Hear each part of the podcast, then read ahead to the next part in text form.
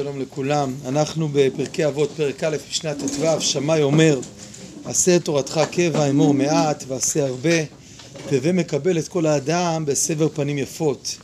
כן, שמאי, הלל ושמאי, היה לנו שלוש משניות ראשונות על, על שמאי, על הלל ועכשיו על שמאי, אנחנו מוצאים את הממרה הזאת. צריך להבין מה המכנה המשותף בין עשה תורתך קבע אמור מעט ועשה הרבה, והווה מקבל את כל אדם בסבר פנים יפות, מה היחס בין שלושת החלקים הללו, ולמה דווקא זה קשור לעניינו ומידתו של שמאי, להנהגתו בעצם של שמאי.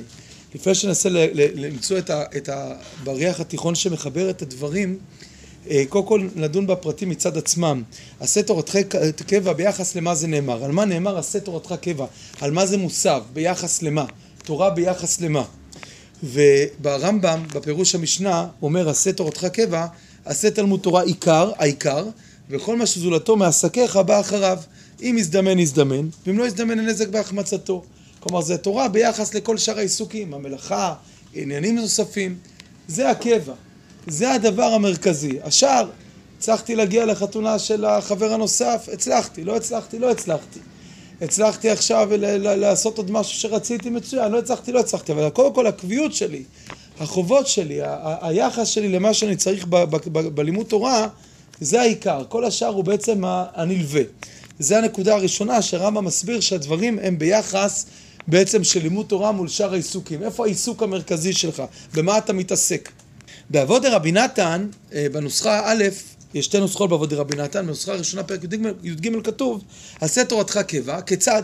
מלמד שאם שמע אדם דבר מפי חכם בבית המדרש, אל יעשה אותו ארעי, אלא יעשה אותו קבע. ומה שלמד אדם יעשה וילמד אחרים, ויעשו שנאמר וילמדתם אותם ושמרתם לעשות. לעשות.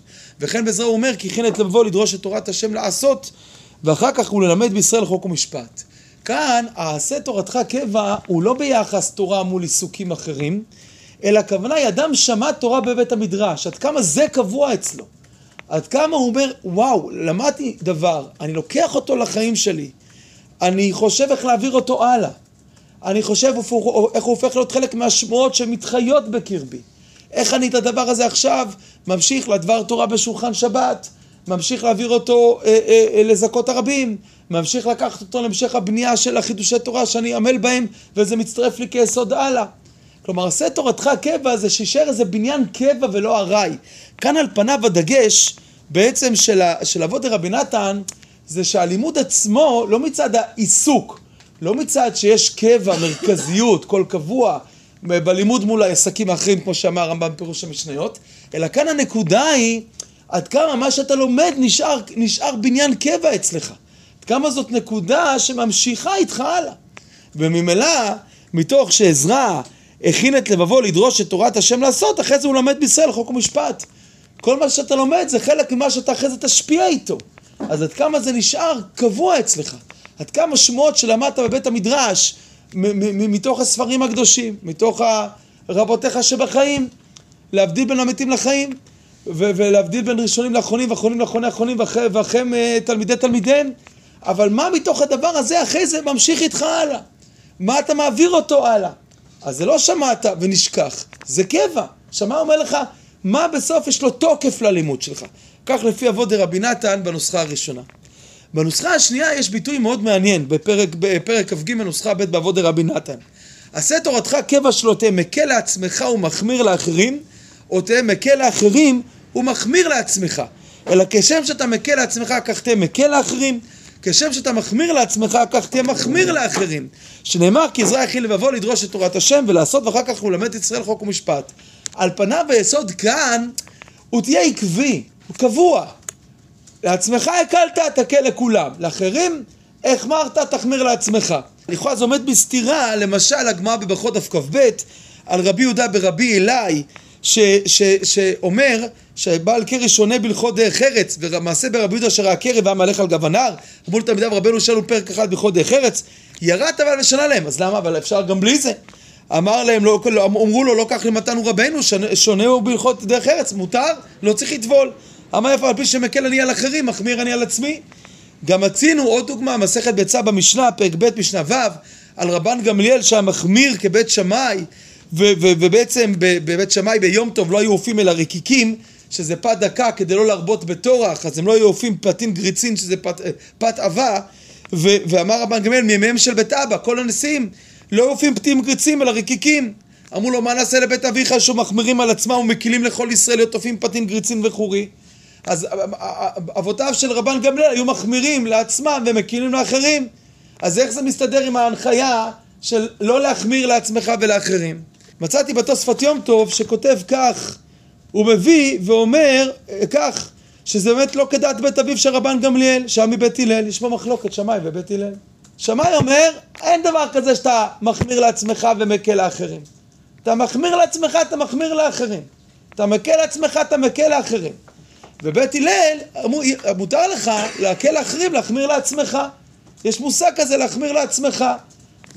לפי ההסבר שבהתחלה חשבתי לעשות אולי שאין סתירה בין הדברים, חשבתי על איזשהו חילוק שאפשר אולי אה, אה, אה, לעשות בין המצבים השונים. אבל כרגע לא, לא, לא, לא נאמר את ההווה הזאת. בכל מקרה, בתוספות יום טוב, מה שנאמר הוא שזה מחלוקת בשמאי ובית הלל. שדעת שמאי, שיטת בית שמאי, אתה לא מחמיר לאחרים ומחמיר, ומקל לאחרים ומחמיר לעצמך. ואם כן צריך להבין שיש פה עניין עקרוני אולי בשיטת בית שמאי, שאליו אולי נגיע, או היום או, או מחר, אם לא נספיק היום, להגיע לקשר בין כל חלקי המשנה ואיך זה קשור ליסודו של שמאי. אבל אם רגע נעמוד רק על הנקודה הזאת, יש פה שיטת שמאי. ועל פניו היסוד שלה היא המוחלטות, הקבע הוא המוחלטות של הפסיקה. ברמב"ם התחלנו קבע מבחינת מה העיסוק המרכזי. זה עשה תורתך קבע מול עיסוקיך האחרים. הנוסחה הראשונה באבות דרבי נתן לימדה אותנו שבעצם מה נשאר קבע מכל מה שלמדת? מה אתה ממשיך להעביר הלאה? בנוסחה השנייה באבות דרבי נתן על הנקודה של עשה תורתך קבע פירושו של דבר שבעצם המוחלטות של הפסיקה מה שפסקת זה חייב להיות נכון לתמיד, לכל המקרים, זה לא עכשיו כגדר חומרה לך, אתה צריך ללכת עקבי עם זה. אם זאת ההלכה, אם זאת האמת, אז האמת היא אמת לכולם. היא לא אמת לאחד כך ולאחד אחר. זאת האמת, אתה צריך להילחם על האמת. זה דבר השם, ככה הוא מופיע במציאות, אז הוא צריך לחייב את כולם, גם אותך, גם את האחרים. איך אתה לא עושה את מה שאתה פוסק לאחרים? אם זאת האמת, האמת היא אחת. אם זאת ההלכה, תלך עם ההלכה עד הסוף. זה לכאורה, אם נלך לפי התוספות יום טוב, שזה שינוי בין שיטת שמאי לבעצם הלל ובית הלל, אז ממילא המקום הזה הוא בעצם אמירה שאמת אחת מוחלטת, ואם זאת ההלכה וזה הדין, הוא חייב לחייב אותך בין לקולה, בין לחומרה וגם את האחרים. עד כאן שלושה פירושים שונים ממה זה עשה תורתך קבע. לגבי אמור מעט ועשה הרבה. אמור מעט ועשה הרבה מביאים פה המפרשים, ומופיע שוב כבר מקורו באבות דרבי נתן אה, אה, כמדומה, שצדיקים אומרים מעט ועושים הרבה כמו אברהם, שאמר פת לחם אחת, בסוף הביא חמאה וחלב ובן בקר, שלא עושים קמח סולת, והרשעים אומרים הרבה ואפילו מעט אינם עושים, כמו עפרון, שכך כותב הרמב"ם, אני מקריא מפורשי פשוט לרמב"ם, שדיבר הרבה, בסוף לא נתן שום דבר. ו- ו- ורבנו יונה מוסיף בפירושו לאבות את דברי רבי סעדיה גאון, שמה שמופיע במדרש, שחז"ל למדו את זה, שלמדו את זה מהקדוש ברוך הוא, שהקדוש ברוך הוא הבטיח שתי אותיות, דן אנוכי, אחרי כן דן אנוכי, אז המילה דן, שהקדוש ברוך הוא יגאל אותנו, ואחרי זה לעומת זאת 27 מילות שנאמר הוא הניסה אלוהים לבוא לקחת לו גוי מקרב גוי וכולי כלומר 27 מילים מול שתי אותיות. אז אומר על זה רס"ק, כך מביא רבנו יונה שאם שתי אותיות במצרים על הבטחה לבין הברית ובין הבתרים היה אחרי זה 27 מילים במצרים אז זה שלגאולה העתידה כתוב בנביאים כל כך הרבה פרקים קל וחומר שהקדוש ברוך הוא אומר מעט ועושה הרבה איזה גאולה גדולה בעצם תבוא ותהיה אבל ענייננו באמת היסוד כאן הוא, צריך עוד להבין איך כל זה קשור לשמאי, אבל היסוד השני הוא ברור, להבטיח פחות, לעשות הרבה בעשייה, להיזהר לא של להוציא את כל האנרגיות של הטוב במילים, ובסוף אין לזה תוקף. העיקר בסופו של דבר צריך להיות בתוקף, ולכן יש מילים מועטות, שמה שמכוון במילים המועטות היא כוונות גדולות, שבסוף הן באות לידי ביטוי בהבעת הרצון בקיום המעשה בעיקר. כי לפעמים אנחנו נוטים לרצות לעשות טוב, אז אנחנו מביעים את הטוב במילים שאולי אנחנו באמת מתכוונים אליהם, אבל אחרי שרצינו, הצערנו, אמרנו רעיון יפה, הוא כבר קיבל את האנרגיה של הטוב, הוא לא יורד אל הביצוע. אומר שמע אמור מעט ועשה הרבה, בעשייה זה צריך להיבחן. בתיקון המעשה, שבסוף הדברים יהיו עד הסוף מוחלטים ובעצם נכונים.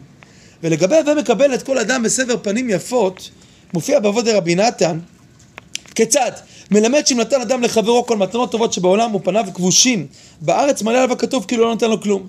אבל המקבל את חברו בספר פנים יפות, אפילו לא נתן לו כלום, מעלה עליו הכתוב, כאילו נתן לו כל מתנות טובות שבעולם. זו נקודה מאוד יסודית.